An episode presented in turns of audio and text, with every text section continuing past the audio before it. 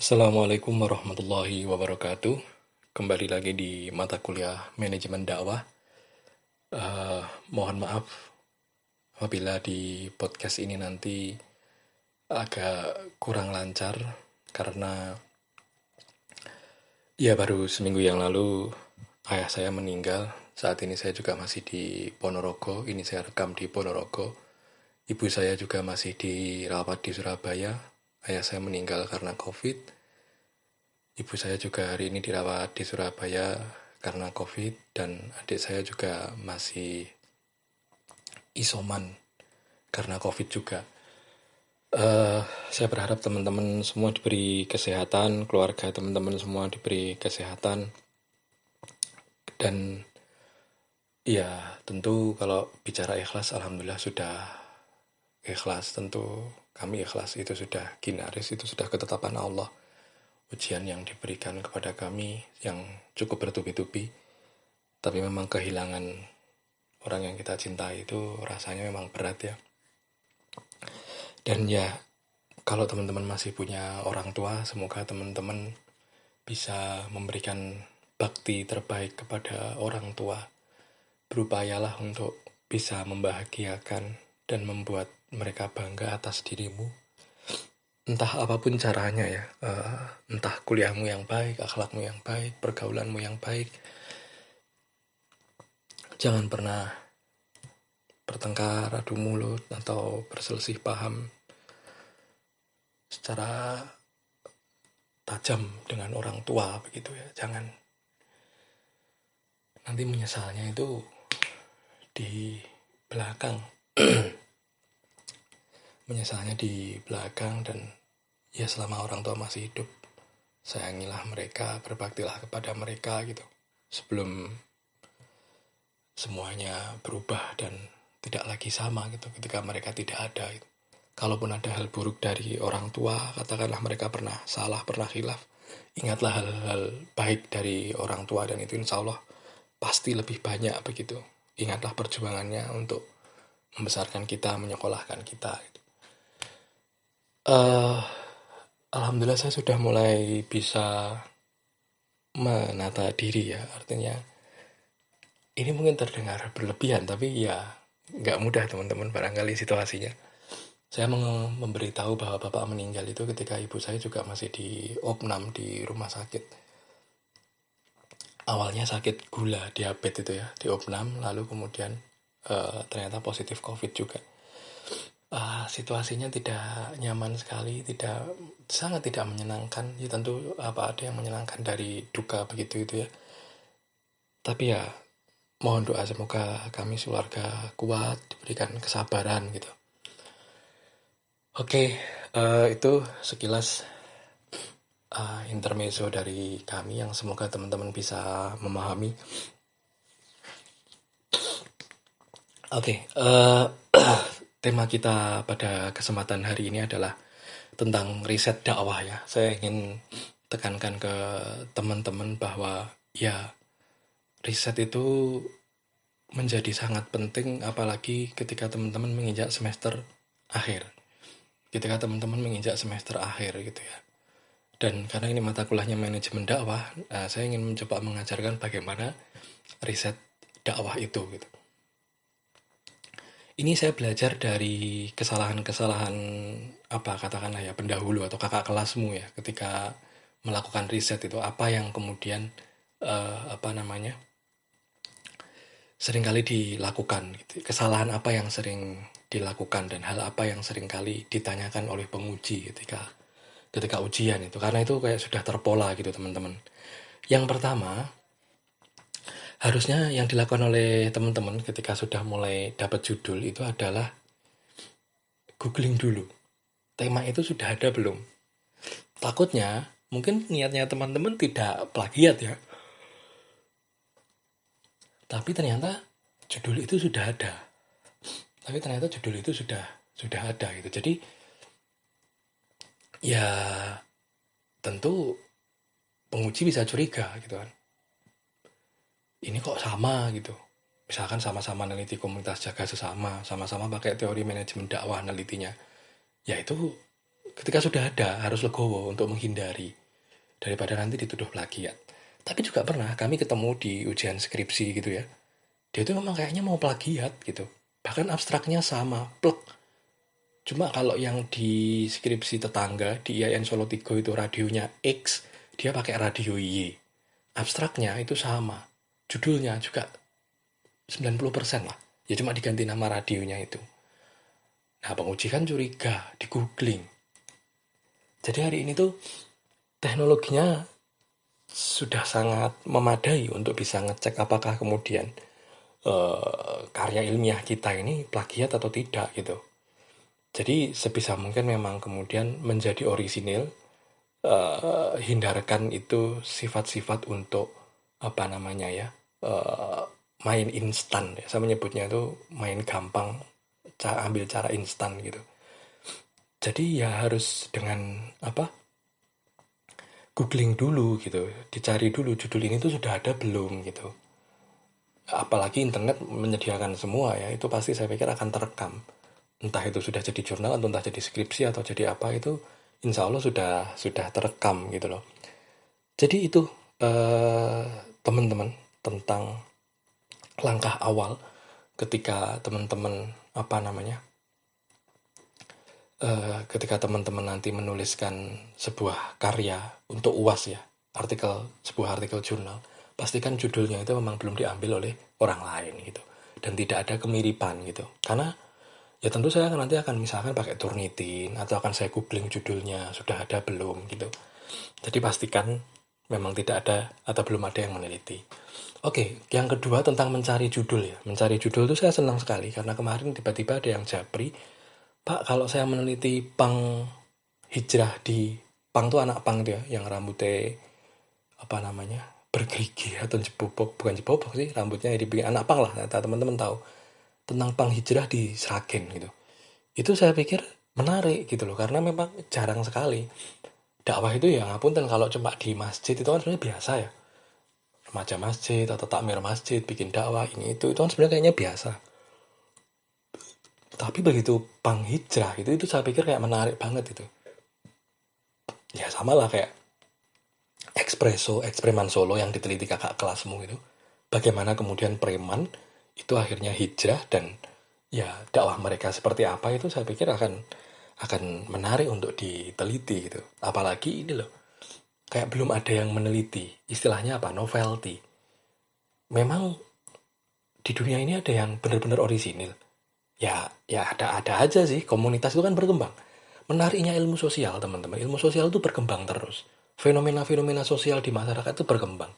Dulu tahun katakanlah saya kuliah tahun 2008 ya komunitas hijrah itu ya nggak nggak mungkin ada tapi nggak menjamur nggak populer gitu atau saya kuliah itu dakwah di medsos mungkin sudah ada juga tapi kayak ya biasa aja gitu nggak yang apa namanya yang gencar seperti sekarang gitu jadi sebisa mungkin carilah tema, carilah uh, tempat penelitian itu yang memang kayak fresh, baru, terus kemudian segar ya, fresh ya segar ya. Uh, belum ada yang meneliti gitu dan ada sudut pandang yang menarik itu misalnya.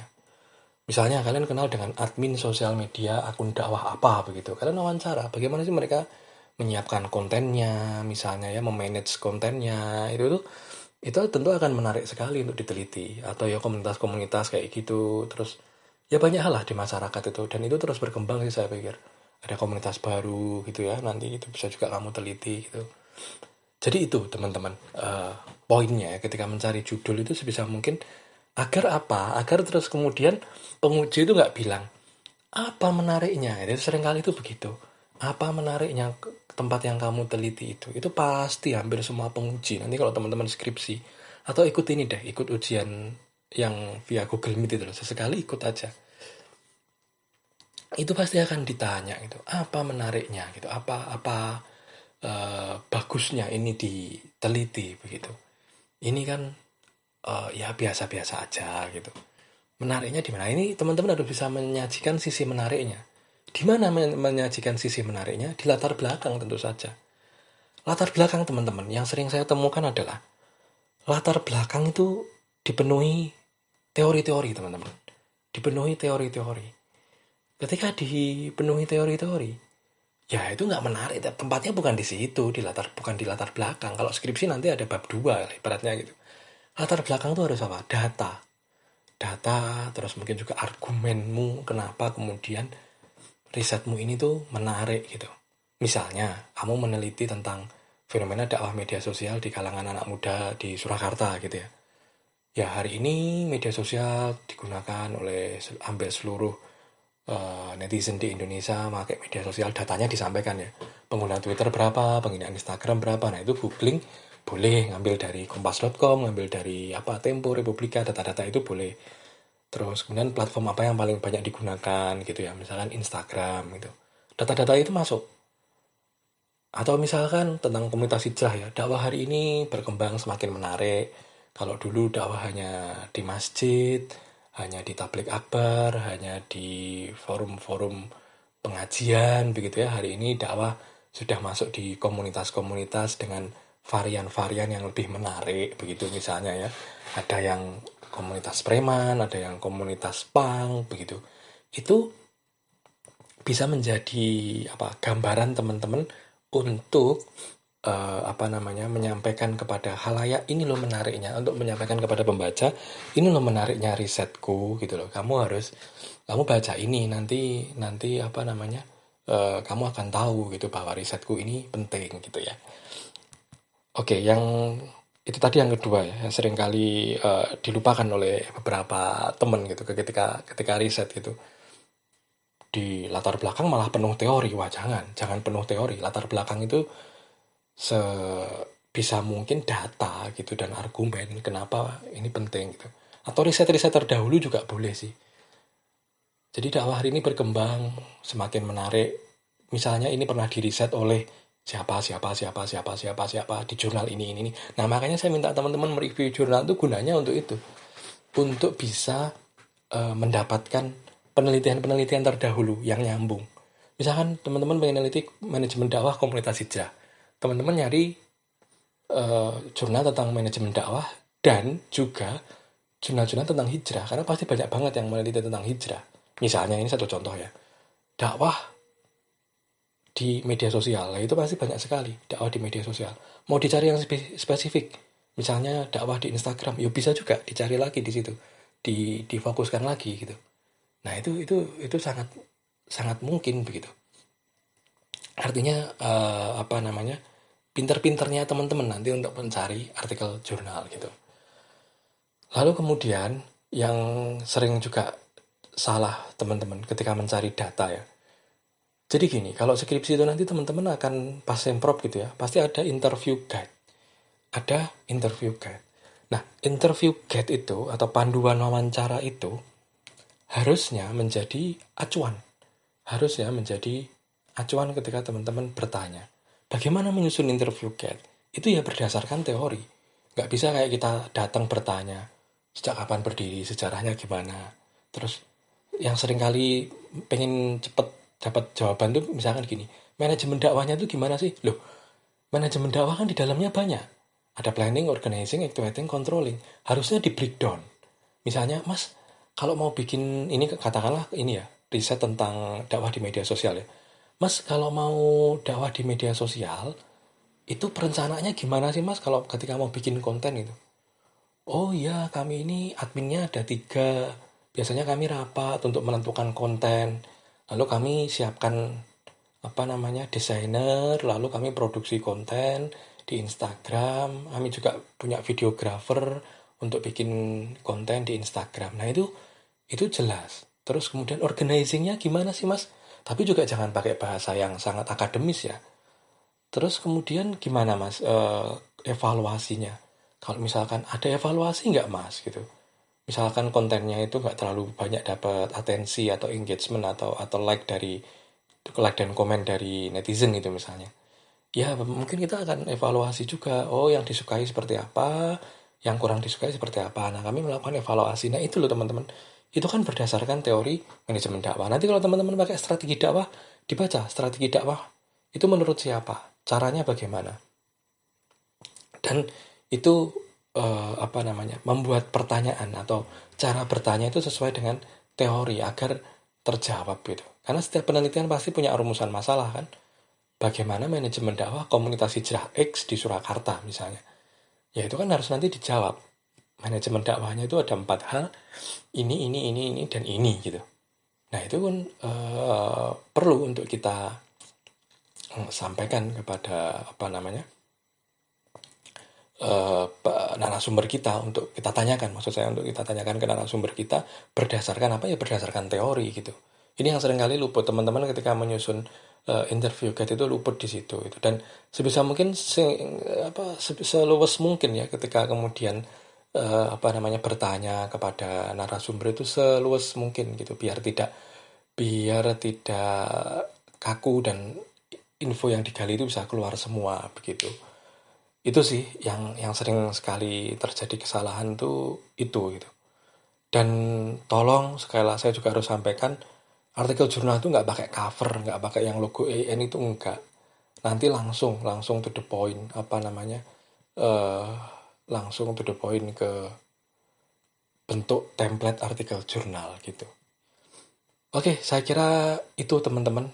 Uh, sedikit dulu ini sedikit dulu tentang riset dakwah hal-hal yang sering kali di uh, kesalahan yang sering kali dilakukan oleh uh, kakak kelas misalkan ini saya lihat di sidang skripsi ya. Yang pertama ya tadi nggak googling dulu judulnya karena ya itu tadi ya ancaman plagiat itu ngeri sekali. Kemudian latar belakang itu sering kali dijejali dengan teori-teori teori-teori dan bukan data.